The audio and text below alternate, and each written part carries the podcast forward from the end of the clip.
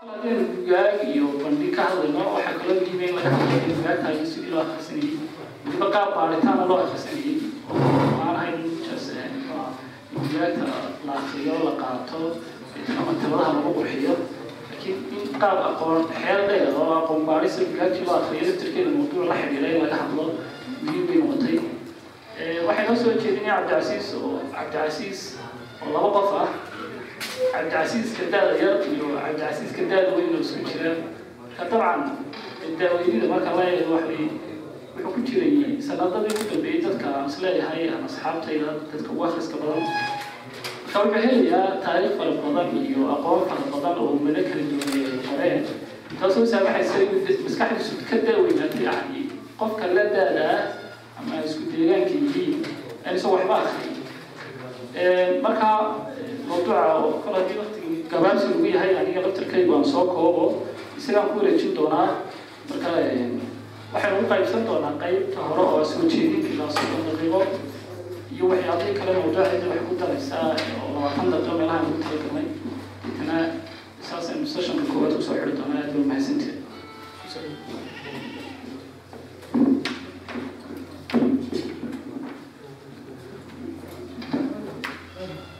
mahadsantied baa mahadle mawlaha khalqiga magan ilaah baale malaa'igta khayrkun sidiyo maxamed baan nuurle galab wanaagsan aad baan idiin salaamayaa idilkiin aadna waa idinka mahad celinayaa gaar ahaanta iyo guud ahaantayaba sidaa wanaagsan eed uga soo qayb gasheen mawduuca oo saddex tiir iyo saameyntooda triangle barmuudo la moodo u kala gooshay oo akris baaris iyo aqoondhis sida labada labada hore ay u keeni karaan ka dambe marka muhimku waxa weeyaan aan aan hadalkayga ku soo koobaya xoogga u saaraya waxa weeyaan labada sal haddaad waxay sodaan xisaabta saddex hadalka quman laba sal oo midna la yidhaahdo adjacent midna la yidhaahdo mid la yidhaahdo ka u dhow waxaan waxaan yidhaha soomaaliga lagu odhan jiray gacanka mid gacanka u dhow oo labada hareerood ka xiga iyo shakaalka. Marka labada hareeraha ka xiga shakaalka ayay jaangooyaan oo shakaalka waxaa lagu soo saaraa. Labadan oo inta inta mid kasta goonidiisa loo laba jibaaray la isku daray. Sidaas darteed akris iyo baadhis mid kasta goonidiisa inta loo laba jibaaray la isku daray waxay soo saari karayaan aqoon dhiska marka taasaan tusaaleyn iyo tibax bixin labadaba isugu darsan doonaa oon iba furi doonaa dhulkay waxa weeyaan keliyata iba fur dabadeedna hadalka muhimkiisa iyo si ambaqaadkiisa idinku ay xaggiina noqon doonaan. Si aynu yoolkaa u gaadhno waxaan rabaa in aan u sameeyo ses hadalkayga. Sesku wuxuu ka dibaaqayaa ama ka dhaqaaqayaa waxa weeyaan wacyi u yeelashada in qofka soomaaliga ee midoobe halkan ku nooli. Uu wacyi u yeesho adduunka uu ku nool yahay. Adduunkaas wuxuu ka bilaabmayaa naftiisa inuu wacyi gudeed yeesho. Wuxuu ka xigayaa waayaha ama deegaanka dhow immediate environment waxaa la deegaanka dhow oo ah tusaale ahaan magaalada qoyskiisa iyo magaalada inta ku nool yahay inuu u yeesho wacyi dabadeedna deegaankiisaas dhowey waayaha iyo duufaha uu ku nool yahay ee ah dunidan dhammaan cada edegaysan ama globalizer iyada oo iminka intiina la socotaan dee dowluhu ay kala taagan yihiin cada edegaysanka dambayska ama post globalizationka iyadoo dowluhu ka taagan yihiin haddana haddaaynu ku koobnaanahay cada edegaysanka laftarkiisa ayaa dabeedna noqonaya. Marka waa naftaada intaad ka timi ilaa iyo adduunka. Waa haweenan shabakad noocaasa ayaa aynu ka ka wadnaa markaynu leenahay wacyi yeelashada dunida dunida kama wadno keliya tatan tviyada ka daawano waxaan ka naftaada ilaa tan tviyada ka daawano marka markay markaynu kadan ka hadlayno aqoon iyo waxa ay akhris iyo baadhis ereyga u muhiimsan ama keywordka ee u muhiimsan ee ay tahay inaynaan ka tegin ee kabaairka lagu gelayo waa xog ama information waayo waxaynu nool nahay waaga xogtaynu nool. Nahay waxaynu aynu ku jirnaa dagaalka xogta. Ayaa qof kastaaba qof dagaalkaa ciidan ku ah oo ah iyo qof sarkaal ka ah labadaba. Iyo dabcan qof dhibano ah daxiyo ah intaba waxaa lagu jiraa waxa weeyaan waxa weeyaan waa dagaalka xogta weeyaan xog markaynu ka hadlayno waxaa judha baan rabaa inaan inaan idinla wadaago oday weyn oo muxtarimka ah marka la dhigay la baarayo ama waxoo laga soo tixraacayo xogaha oo dhintay sagaashan iyo afartii faransiis ahaa jahwa iluul la odhan jiray ama jah iluul wuxuu qoray buug la yidhahdo propaganda the formation of minis attitude oo aan rajaynayo in baraarug qaybta ingiriisida ee soo socota idan alle buugta ugu horeysa la keeni doono u noqdo qof kastana oo b d f ku heli karaana ay tahay inuu akriyo fahmi karaya afka uu ku qoran yahay. Propaganda the, formation of minis attitude habeen dacaayadda samaysanka maanhagga qofka ama attitudeka maanhagga qofka sidee u sidee u samaysmaa dacaayadda markaynu leenahay waxa weeyaan xogta oo qaab dagaal loo adeegsaday. Marka uu iluun halkan ka hadlayo wuxuu leeyahay qofka aqoon-yahanka hadalkiisa toos u soo qaadanaya qofka aqoon-yahanka wuxuu leeyahay maanta qarnigaan nool nahay adoogu waa wuxuu dhintay dhammaadka qarnigii labaatanaad buu dhintay oo sagaashan iyo afartii buu dhintay wuxuu leeyahay markaa xogta qofka aqoon-yahanka waxay ka dhigi kartaa daadhaan sigagar ah? Ayay ka dhigi kartaa. Qofka aqoon-yahanka is la moodayo supposing intellectual qofka aqoon-yahanka loo haysto waxay ka dhigi kartaa dacaayaddu way dhabanaanin kartaa dhabanaaniska waxaa la yidhahdaa inta aan garanayno dhirbaaxada haddii xagga iyo xaggaba lagaa lagu siin waayo fursad aad iskaga difaacdo ama aad ku baryoto wargedaa ku tirahdaba haddii labadaa fursadood inta aad weydo waxaa kuu socdaa ma aha dhirbaaxo keliya waa dhabanaanis marka wuxuu leeyahay saddex qodob darteed oo isbiirsaday ayay dacaayaddu qofka aqoon-yahanka u dhabanaanin kartaa ko wuxuu leeyahay in aqoon-yahankii uu sharaabo wax uu haysto inay tahay xog laakiin aan xog ay tahay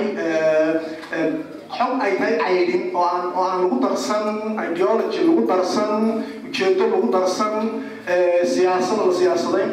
uu u haysto dabeedna uu sideeda u soo sharaabo si uu iskaga dhiso dadka. Oo inoo soo hor dabeedna nin xog badan haya loo qaato qodobka labaad waxa weeyaan wuxuu aqoon-yahankii rabaa oo dal dalin ah in uu su'aal kasta ka yeesho fikrad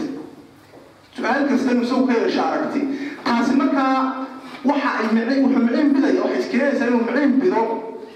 xataa maafish kaba keen inuu yidhaahdo. Sidii ninkii hudaalka soo galay maafish waxaa ma yaalaan lagu yidhi yidhi maafish kaba keen oo maraqa ku soo badi. In in inuu xataa maafish kaba keen heerkaa uu gaadho ta saddexaad oo iyaduna ah qofku isu arko qofku hadduu isu arko heerkaa markuu gaadho inuu isu arko inuu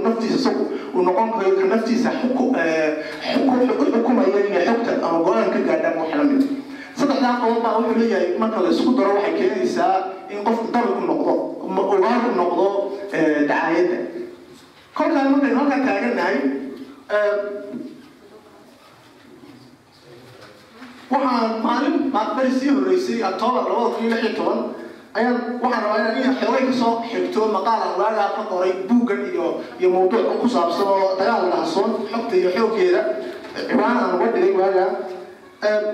wuxuu u kala qaybinayaa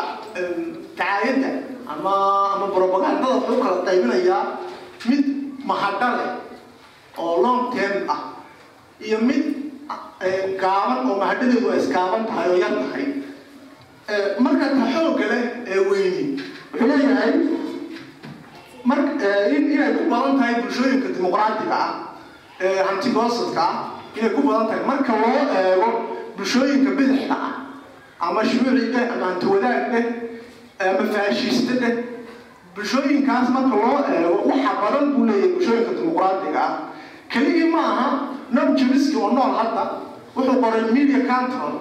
ama ama ama ama amar ku taagleynta warbaahinta ku afsoonadeyn karno wuxuu leeyahay buuggiisa isaguna wuxuu ku leeyahay dimuqraadiyaddu markay dictionaarka ku taallo waa aad bay qurux badan tahay.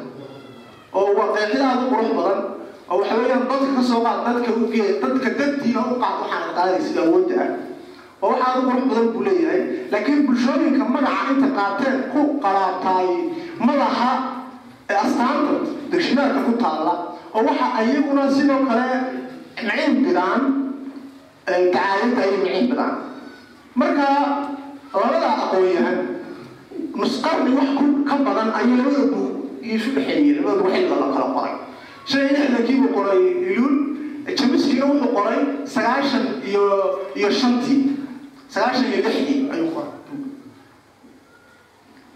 marka waxa weeye daabacadiisii labaad ayaa sagaashan iyo shantii shantii soo baxday marka marka aynu qodobkaa taabanno aynu idhaahno innagana ogow saamaynta maanta cidda inagu leeyin bari waa iska yaryahay ama bidix waa iska yartay saamaynta ay nagu leedahay. Laakiin waxaa badan oo aynu maanta waxaa laga yaaba warbaahinta markaad saa furto inta ugu badan ee daa kaa soo horbaxaysaa ama aad arkaysaa waxa weeyaan waa warbaahin ujeedada loo samaystay aanay ahayn keliya. Inay wax dadka barto ee keliya tahay inay jahaysan sidoo kale buugta la qoro ama qoraalada soo gaaraa ama aynu heli karayna maanta? Mid kastaaba wuxuu leeyahay ujeedo ka dambaysa. Qofka la rabo inuu noqdo aqoon-yahan xeral dhalad ah oo oo indigenous ah oo dadka u dhashay meesha uu joogo. Markan bay markaa muhiim tahay inaynu ina inaynu isxasuusino inay muhiim tahay. Maadaama aynu arrintaas taabanay tallaabada koowaad ee ah sidee haddaba waa saxe loola tacaamuli karaa loola macaamili karaa adduunyada sidana inay tahay inuu qofku yeesho dareen lixaad toddobaad sideedaad sagaalaad tobnaad oo la yidhaahdo dareenka gorfaynta inuu qofku yeesho nag inuu qofku yeesho. Dareenkaas ayaa inagu ridaya dareenkaas sideebuu qofku ku helaya wey haddaba dareenkaas waxa weeyaan dareenka wax kala shaandhaysta inta uu inta uu dhinacyada oo dhan dhegaysto ama daawado ama akhristo dabadeedna kala shaandheeyo yimaada intana waxa weeyaan waa in qaadin og intana ma qaadin oga dareenkaas sidee ku dhalan karaa? Wuxuu ku dhalan karaa inagoo saddexadalkii dib dib u shagaarna oo nidhaahna. Wuxuu ku dhalan karaa qofku markuu yeesho akris baaris wata oo aan ahayn akris cawara waxaan ku tilmaami karayno. Akriska cawara waxaan ku tilmaamaynaa qofku inuu akriyo waxa tobanka buugee waxaan ugu wanaagsan boqolka buugee kan kale ugu fiican iyo ciwaanada indhasarcaad kale. Si taa qofku ugu taxadiro akriska baarista wataa waxa weyaan akriska tixgeliya xagal kasta oo macquula laga gaari karo xog. Xagal kasta oo macquula oo laga gaari karo xog akriska akristaha markuu tixgeliyo ayaanu ku tilmaami karaynaa inuu akris baaris wata dhaqmayo waxaynu odhan karaynaa gorfaynta amaba dheh naqdintu waxaa natiijo laga helo laga helo akris degan oo aan laabnakac ku dhisnayn. Akris degan oo ujeedadiisuba tahay qiimayn iyo oo lagu daray dabeedna baaris durugsan oo ujeedadu tahay dhelitir marka aynu leenahay dhinacyada in la tixgeliyo oo akriska u muhiim ah akriska baarista wata u muhiim ah maxaynu ka wadnaa waxaynu ka wadnaa qofku caadiyan qofku marka uu yahay akriste cawaran wuxuu qofku ka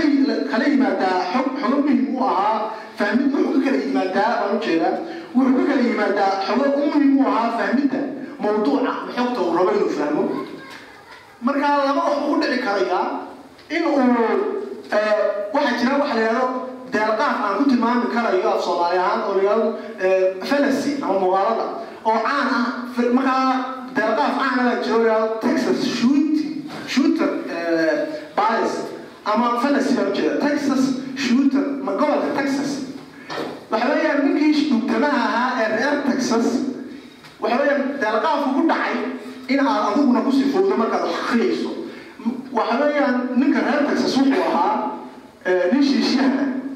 markaa wuxuu ohan jiray lagama badiyo shiishka.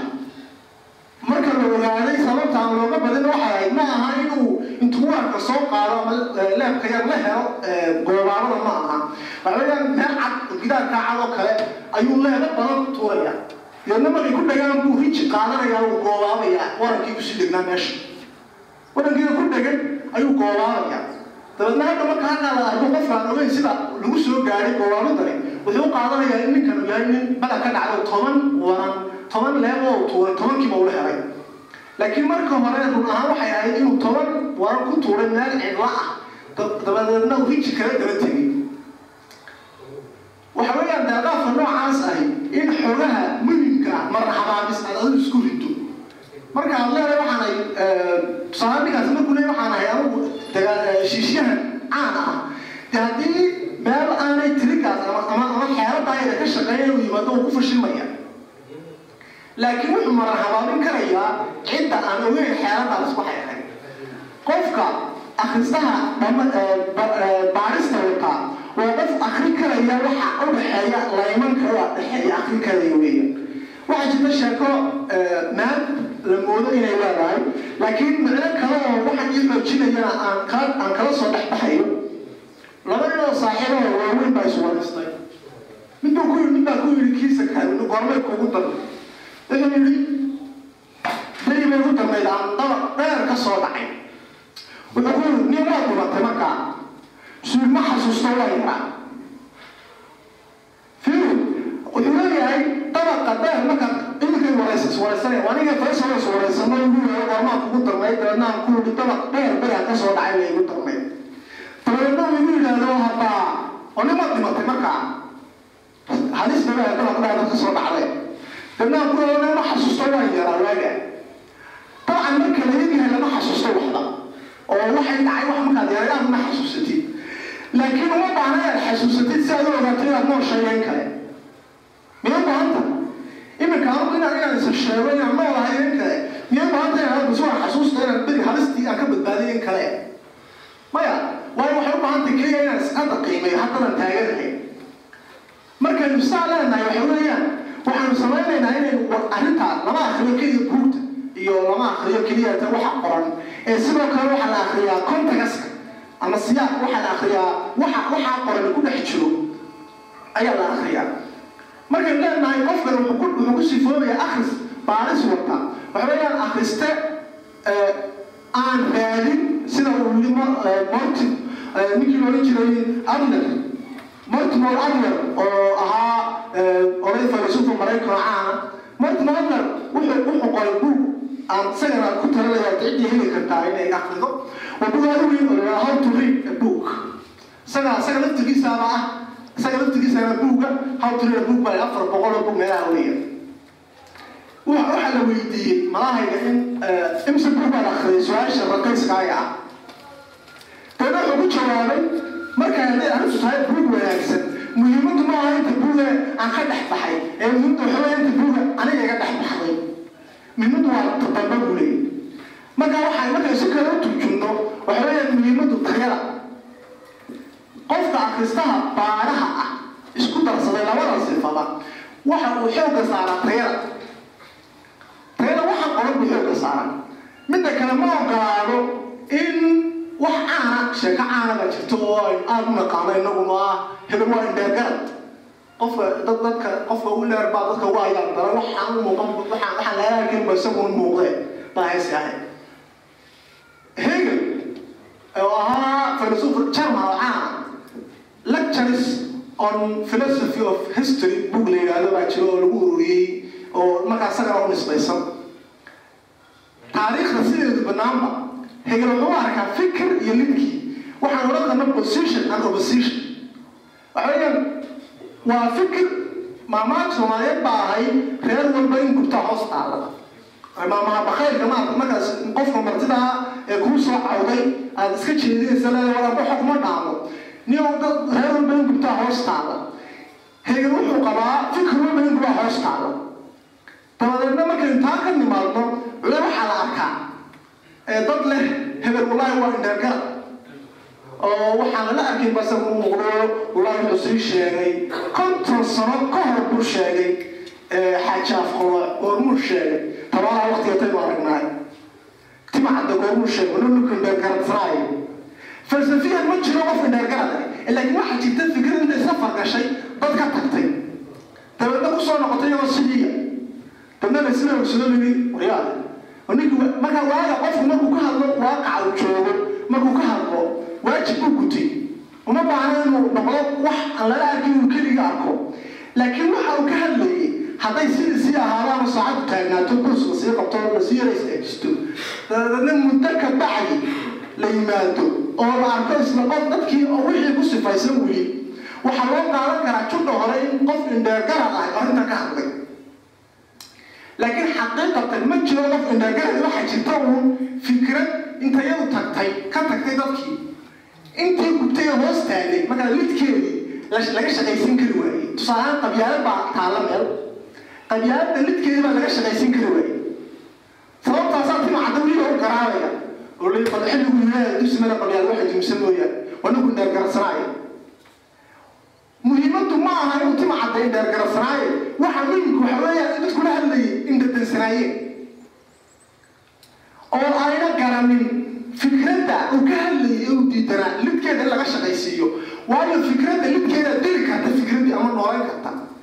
qofkaad haysaan hadduu xaaladda ka baxo waad soo buudaysataa laakiin hadduu yahay mid aad isceshanaysaan waa isku tuurtuurtaan sooma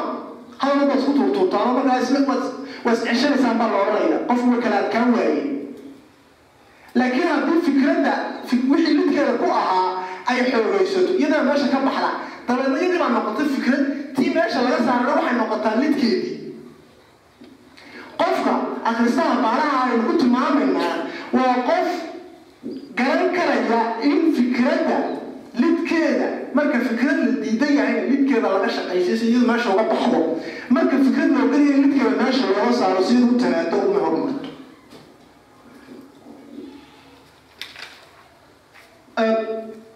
waxaa kale oo muhima iyaduna inaynu oo qofku ku baraarugsanaado in aanu noqon qof xaglin kusu ku sifaysan. Bias aan ahayn akhristaha baarahay ma aha qof xagliya waa akhristuhu marka uu dhinac maroodiga analogiga ama tusmada ah maroodiga qolka inta lagu xareeyo ragga indhaha xiray lagu taataabta ba waxaad aragtaan heehaabta gacmaha mid gacan taabto markaasuu yidhi tun baa qolka taalla mid lagu taabto wuxuu yidhi miis sidaas oo kale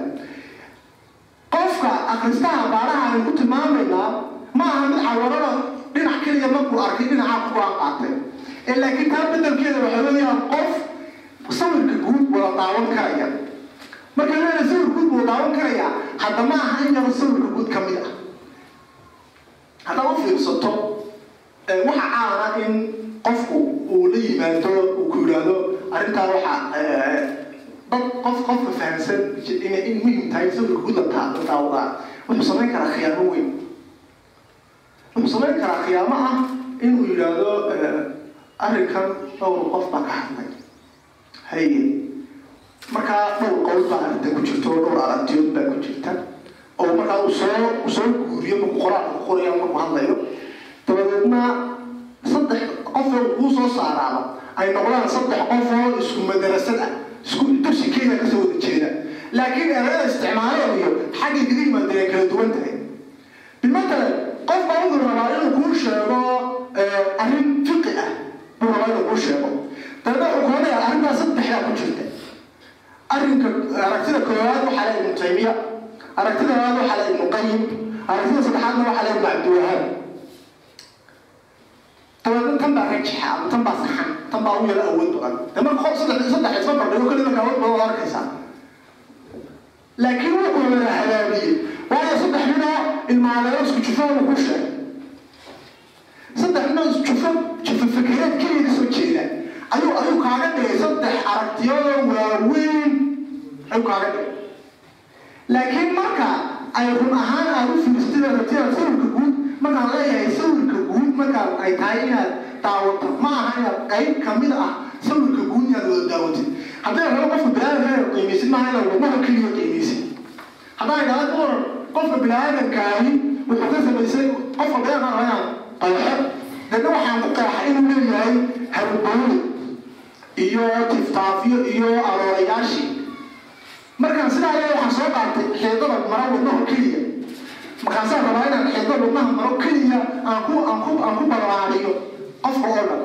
Wadnuhu dhab ahaan uu ka mid yahay qofka. Oo waa sawir ka mid ah sawirka guud ee qofka rabnay aynu qiimayno. Laakiin wadnuhu ma mateli karo maskaxda. Iyagu jiraan sababka oo isku meelba ku yaalaan ma mateli karo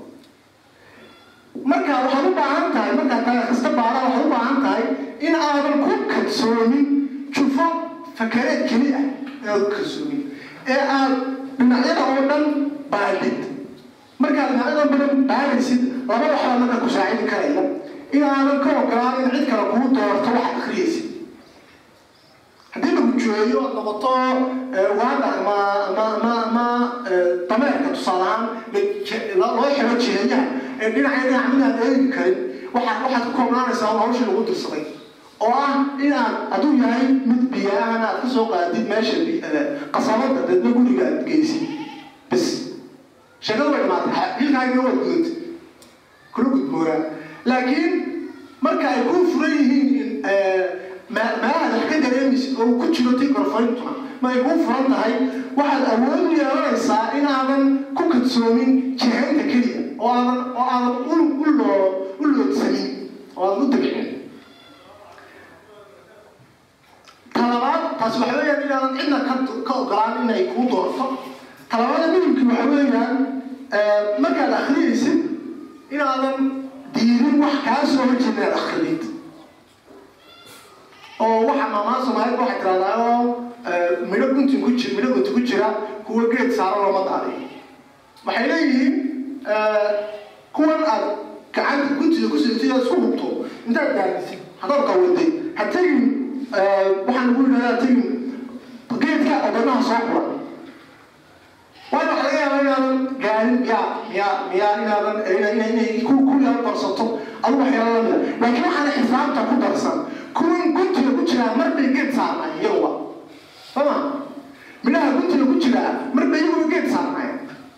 haddii aad taangiinta ku hayso oo aadan fikirkaaga fikirka dad kala colaadsan kaaga isku hubtiyey kaaga isku hubtiyey darka maalin baad ka dhex karaysaa markaasaad yaaweyna taawaran doontaa oo waawan karaysaa marka waxa muhimka waxa weeyaan inaadan kaagana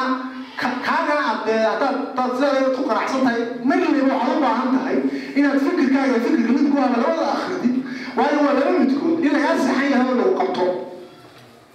iyo inaad ka saxan taho ood ogaato inaad saxan tahay inaad ogaato inaad inaad aragtida ku saxan tahay oo isla sid maadaama hadalku markii hore nagu badnaa waxaan ku soo kobaya laba qodob muhiima oo ah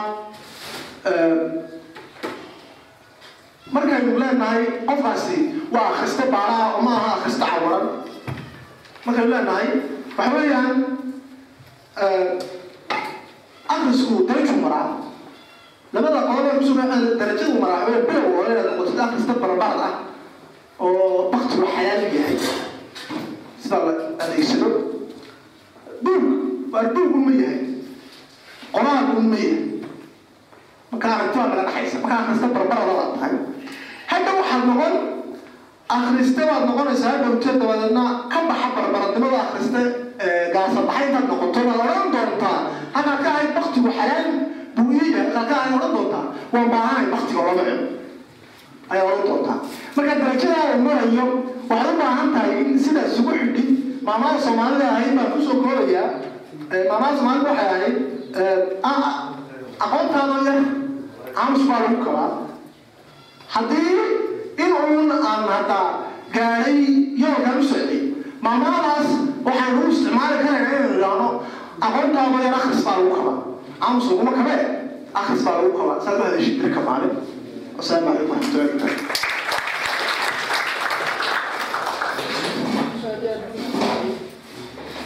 aad aad u mahadsan yahay cabdicasiis sida uu fiicana waqtiga noogu soo koobay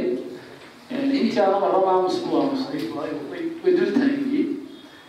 hadalkiisa waxaa ku jiray akhriska cawaran dabcan waxaa jira akhrista cawaran marka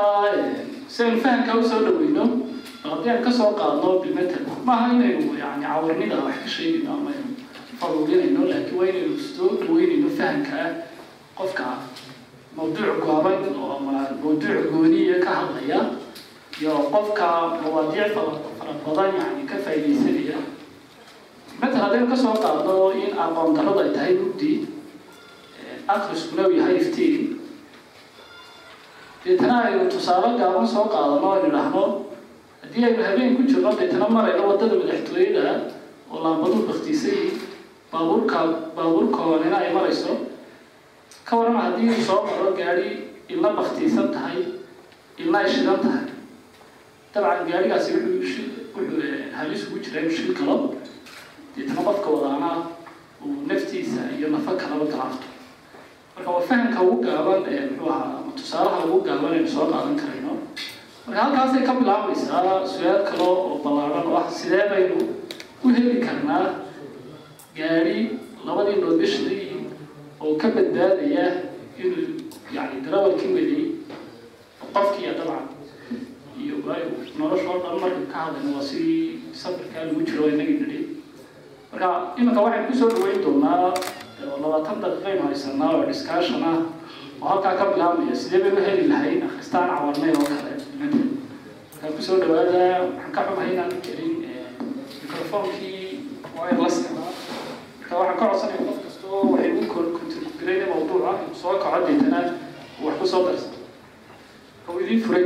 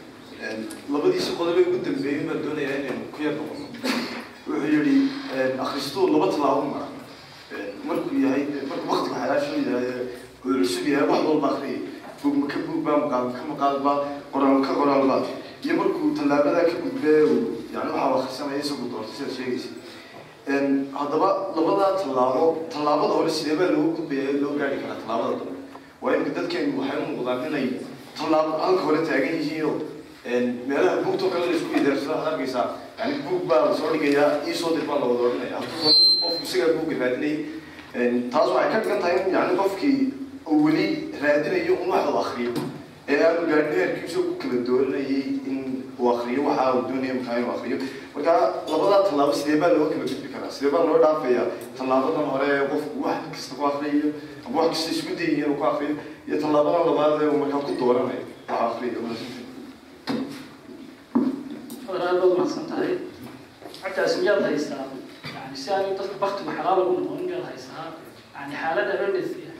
dadku wax walba akhriyi karaan duruufta ku horta midaan isxasuusinaya maaha su'aal iyo jawaab keliya. Qadar iyo cidda kaleba waxaa laga filayaa dee markay su'aal ku dhalatona waxa uu fudaamin u inuu inala wadaago. Anuguna keliyata hadday igu soo dhacdo inaan inaan inaan na fura aan aan gaariga istaaro waan samayn doonaa. Tan ah sibaad moodaa inaan inaan inaan walow ay walow ay malaha yareeyey inaan u dulmaray marka qofku uu helo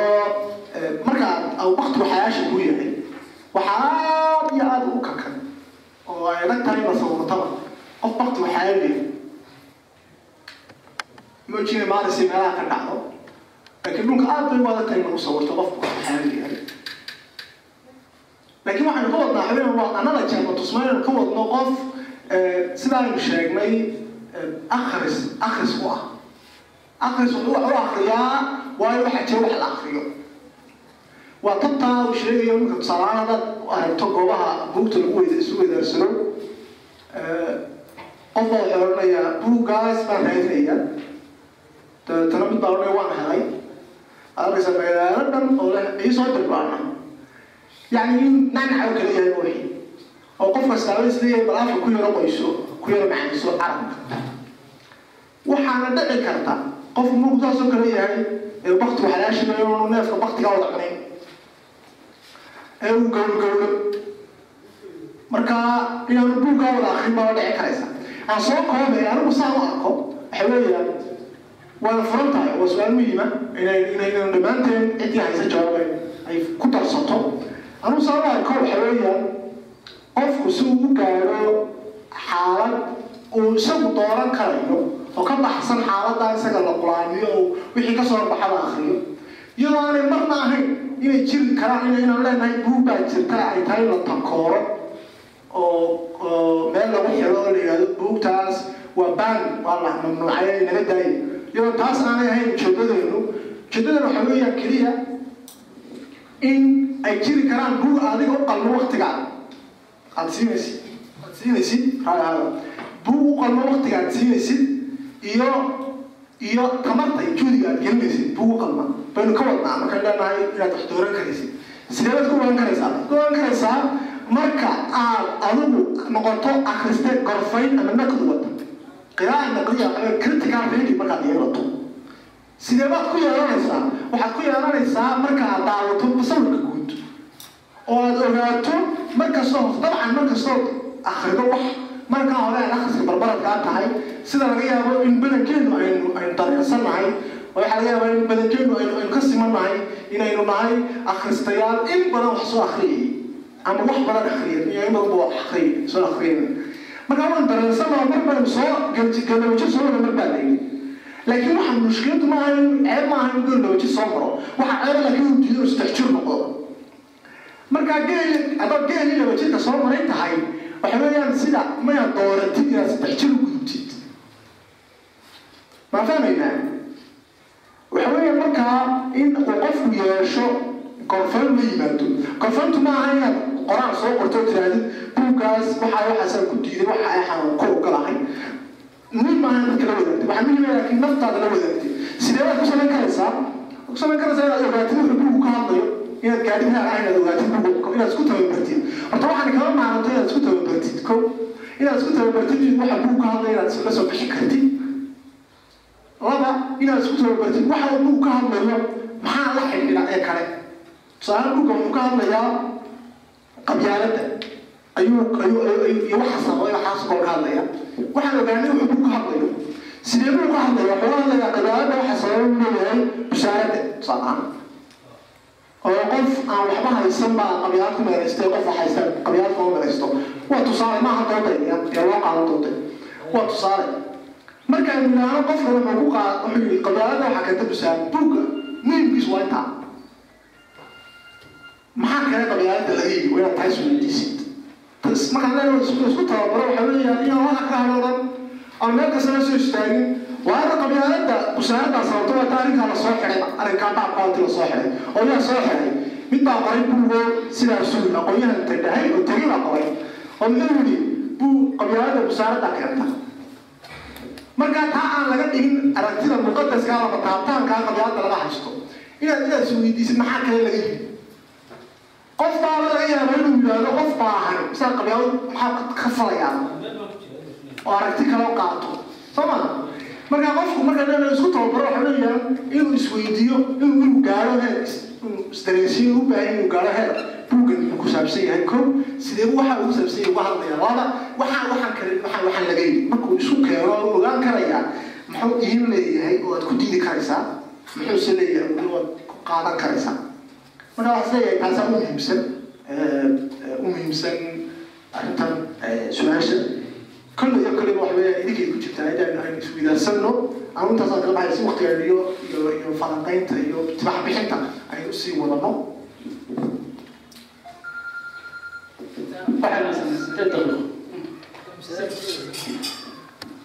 Intaan masalada laftarkeeda laga bixin waxaa iyadana meesha ku jirta labo laba arrimood halka yidhi inuu qofku xesho ama uu garan karo waxa uu u baahan inuu akhriyo waxaa daruuriya haddana ku darsado inuu qofku garanayo horta mataqaana bugma dhamaado dugooda bug marka inuu garanayo horta wuxuu isagu akhris ka rabo muxuu bug ama majaalkii ama noocyada buu isagu danaynaya ama ha noqoto markaa wuxuu darso uu barto oo jaamacad ku jiro ama waxbarasho ku jiro ama wuxuu danayn gooni u leeyahay oo mataqaana xiise gooni u hayo laakiin haddana dib waxay loo celinaysa markaynu labada standard sameyno ama labada xadid markaynu sameyno nidha qofka inuu garto waxa uu rabo inuu isagu muxuu ku garan karaa inuu qofku rabo waxa uu rabo uu akriyo ayaa iyadana lagu celinaysa in qofka qofku wax kasta soo akriyo si uu garto meelaha uu mataqaana daneeyo isagu ama wuxuu xiisayaa wuxuu barto. Waxaad dareemi kartaa qofku markuu ku furmo akhriska inuu mararka qaarkood xataa dib uga fikiro majaalkii waxbarashee u galay. Ee waqti ku bixiyey iyo sanadaha. Marka mar walba kama maarmayno marxalada bakti xalaalka. Laakiin bakti xalaalka in la badsado. Iyada laftarkeedu iyo qofku buugta faraha badan le mataqaanaa uu isku dayayo inuu akriyo akriyo si uu garto muxuu akriyi doonaa ama si uu u garto muxuu ku takhasusi doonaa ama si uu garto muxuu daneeya ama si uu garto maxaa mijaalkiisa ihtimaamku yahay marka door ahaan marka la isku dhiirigelina akhriska waxaa duruuriya horta in la isku dhiirigeliya akhriska akhris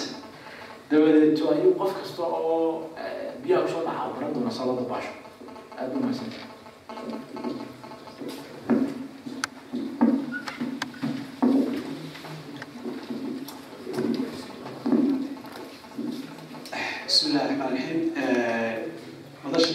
salaamaya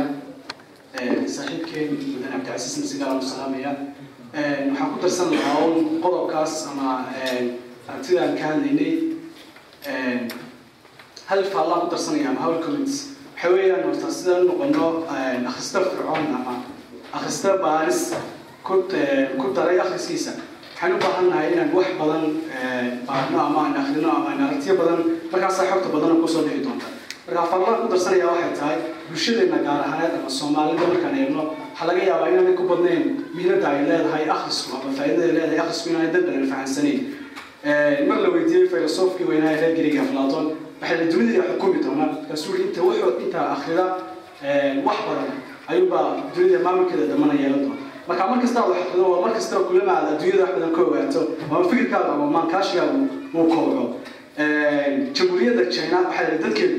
waxay horumarka badan ku gaadhay waxa weeye cilmiga badan ee adduunka yaallaba waxay ku samaysay translation ama waxay u turjirtay luuqadooda kadib baa dadkii dadkii deganaa waddanku waxay samaysteen maadaama aqoon badan u soo turjurteen waddan luuqadoodii waxay waxay heleen aqoon fara badan oo dunida kale ka galinay sidaasay ku horumareen oo aqoontii ay barteen ama waayarimada dunida ka faa'iideen. Ay iyaguna la kaashadeen maankooda sidaa daraaddeed wax badan u soo kordhiyeen. Marka faalloon baan ku darsan lahaa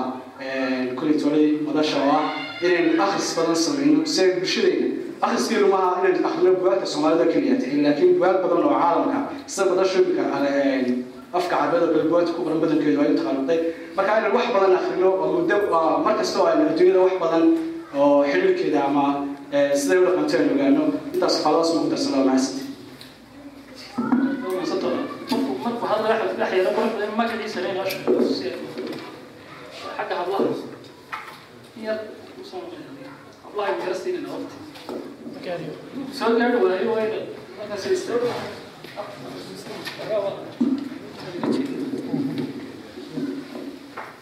السلام عليكم ماذا عيب اسمويا والله aad horta u mahadsan tahay eh, su'aal yar baan weydiin lahaa wax yar halkan iminka loonoo yaqaano soomaalidu dad ma nihiin aada wax u akriyaa marka just waxaan eh, weydiin lahaa maxaad eh, kula talin lahayd?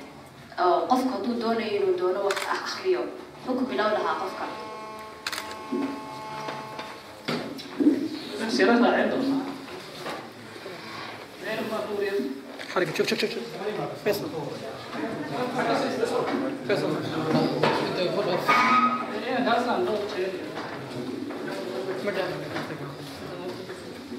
أقول يا حبيبي خلاص كم أقلى يا نور يرمى على بعض غير معلم واحد مش عارف معلم واحد الحمد لله. xaadaru soo jeediyey ama lajirku soo jeediyey cabdisaacilkii cabdicasiis waxaad iin moodaa inaan anigu ku dhagafarjoogaabta yani guudcadde qoraalkiisa iyo iyo isma aha siduu hojeediya qoraalkiisa anigu kuma dhagabarjoogo laakiin hadda markuu muxaadara jeedinayay waan ku dabaqay waayo waxay ila muuqatay inuu isku furay foldara fara badan. Yani computerka marka foldara furtidooda ku mashquulaa moogta markaa markuu jeedinayo lectureka yani barabilo iyo baradhamaad umuu samaynayay isagoo tusaale ahaan oo kale wax ka hadlaya ayuu taasoo kale hadlay wax isku furiyey ma tahay dee inay tahay cilmi badnaanta yani wax laga yaabo inuu fitahayay mise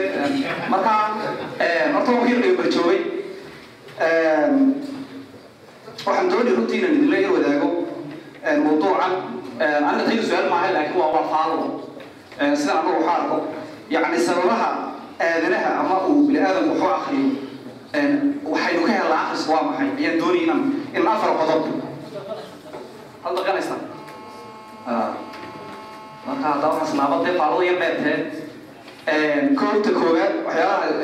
aynu waxu aqrino waxaa ka mida kow. Horta inuu sida cabdicabsi noo sheegay aynu adduunyada wax ka ogaano. Yani caalamkan aynu ku noolnahay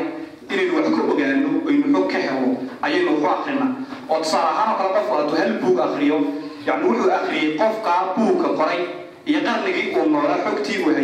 iyo qarnigan uu qofku nool yahay. Labadaa qarni uu qofkaasi xogta hadda waa hal buuga qora hadduu qofku akriyo yani laba qarni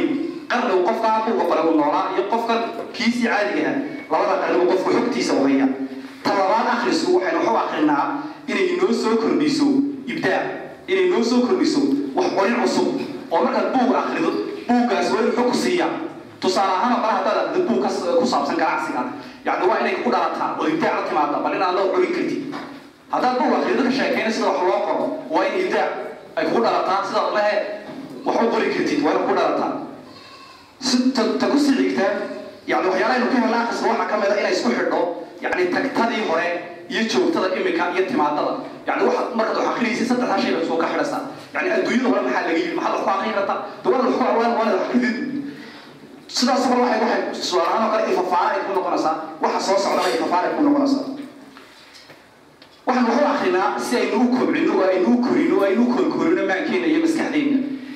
Yani maskaxda waxay quudataa waxay waa akhriska iyo xogta. Halku jirka uu la hilibka iyo baastada. Waxaynu waxu akrinaa waayo waxbaynu akrinaa waxaynu waxu akrinaa waxbaynu akrinaa inuu nimcuna siiye labada gurub ay dhow ya waxyaala wuxuu ugu waaweyn waxu akrinada waayahay waxyaalahan doonaya anigu amaan kaga faa'iidsana anoo idin boobay halle ahaada madaxuga militariga ka qabsaday tusaale ahaan kale qofku inuu akriyo aqoonta ku saabsan ama akhriska ku saabsan waxyiga ilaahi subxaana watacaala mid waa waxyi waa from xagga xagga samadu ka yimid oo rasuulku salawatu rabbi wasalaamu caleyh ayaa laydoo soo dhiibay yani haddaad tusaale ahaan oo kale akrido waxyaala naadiyaadkee falaasifada ay qorto waxa laga yaabaa inaad ku dhegabirjoodo ood ku dawaqtid ood marka dambana noqoto dowbad lagu tuuray ya doonta dibad lagu tuuro dee waxay dhinaca doontay u gadoomaysaa marka horta number one qofku waa inuu xog ka helaa uu akhristaa tusaale ahaan waxyiga ilahi subxana watacaala alqur'aan والكتاب والسنة انت قف وين هيا طلبات قف وين السوق اخرست حكت الدنيا تلقطه يعني حال يجي تاريخيا حال يجي صراحة اقتصاديا حال يجي سياسيا وحصل قف وين هيا توضح بس كمان يوقف دقن كيسا في سد روبرت والسلام عليكم يعني صراحة دقيقة إنك لما تقول لنا يعني شكرا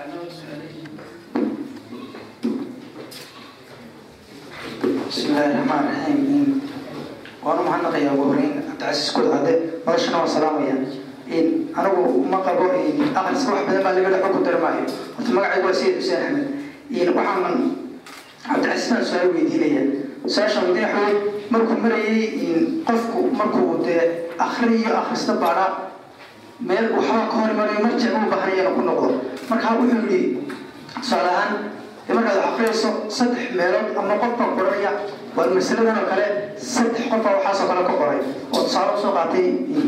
ibnulqayim iyo marka wuxuu raaciyey inay dadkaasi isku jufo noqdaan oo kale. Marka waxaa la bal halkaa noo yara caddeeyo. Marka adayd inay dadkaasi isku jufo noqdaan oo kale bal sidee noqonaysaa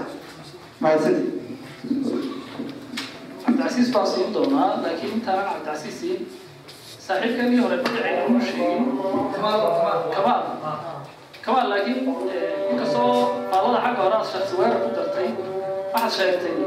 inaad ku dhagabarjooday cabdicasiis iyo khudbadiisii laakiin oo aanad wax badan ka fahmin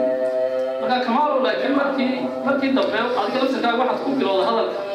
sidii uu cabdicasiis inoo sheegay baad marka aniga laftirkaygii baa buuday inaan ku yara dhagabarjoogay hadalka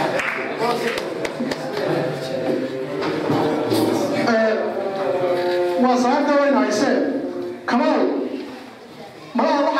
su'aal baan isweydiin karnaayo haddii cuntada dhadhankeeda aad diido cuntada canaanan mise carabkaada canaanan waa inaan isweydiino dhakhaatiirna waa joogtaan matas bariskaada wax ka siiyihiin oo cuntadaada dhadhamin aqoon? Oo meelihii wax dhadhaminaya si noqdeen? Mise cuntada xun haddaad inta cuntada kuu karisaa hal habeen ku mahad na waxan ma dhadhamo bal ka wada hadda hadda inantu ceeb maaha anaa anaa halkaa taagan maanta. Inantii cuntada karinaysa baan ahayo haddaad inta cuntada karinaysa aan ahay haygu maada cuntada balarta walaalahaaga oo xoolka seexataadna soo weydi waxaa tiraa war macnaha ma iga siiyi mise cuntada wax ka siiyi ta ah horta qofku marka uu rabo in uu waa caado iska jirto markuu qofku rabo in uu sameeyo akhriska ta su'aashii kamada waa ka gudbaye markuu arrinkii kamada ka gudbaan ujeedaan marka uu akhriska rabo inuu sameeyo muhiimsan oo asmayna weydiisay waxa weeyaan talada u muhiimsan waxa weeyaan in horta madalo noocan oo kale lagu faafinayo akhriska muhiimadiisa dadka la baro in dadka inta haysata dee nimcada akhrisku ay dadka inta haysan gaadhsiiso halkii juxee intiina garanaysa intaana garanayna gaadhsiiso sayid xuseen runaan ku soo gabagabaynaya oo weydiiyey su'aalaha jufa fakareedka waxaan uga jeeday tusaalaha tusaale bay ahayd saddexda wadaad tusaale baan u soo qaatay. Haddii aynu naqaano saddexda inay yihiin cidda ay yihiin waynu garanaynaa in inay isku fikir yihiin. Markaa madrasa fikriga kenya inay ka soo jeedaan oo maanta casriga loo yaqaano salafiyadii soo ma? Ina ibnu taymiya inuu ahaa macalinkii ibnu qayim labadoodaasna uu maxamed bin cabdiwahaab u ahaa arday. Fikrad ahaan uu ku saamoobay. Markaa bari keliya ay haystaan waxaa jira duruqyo kale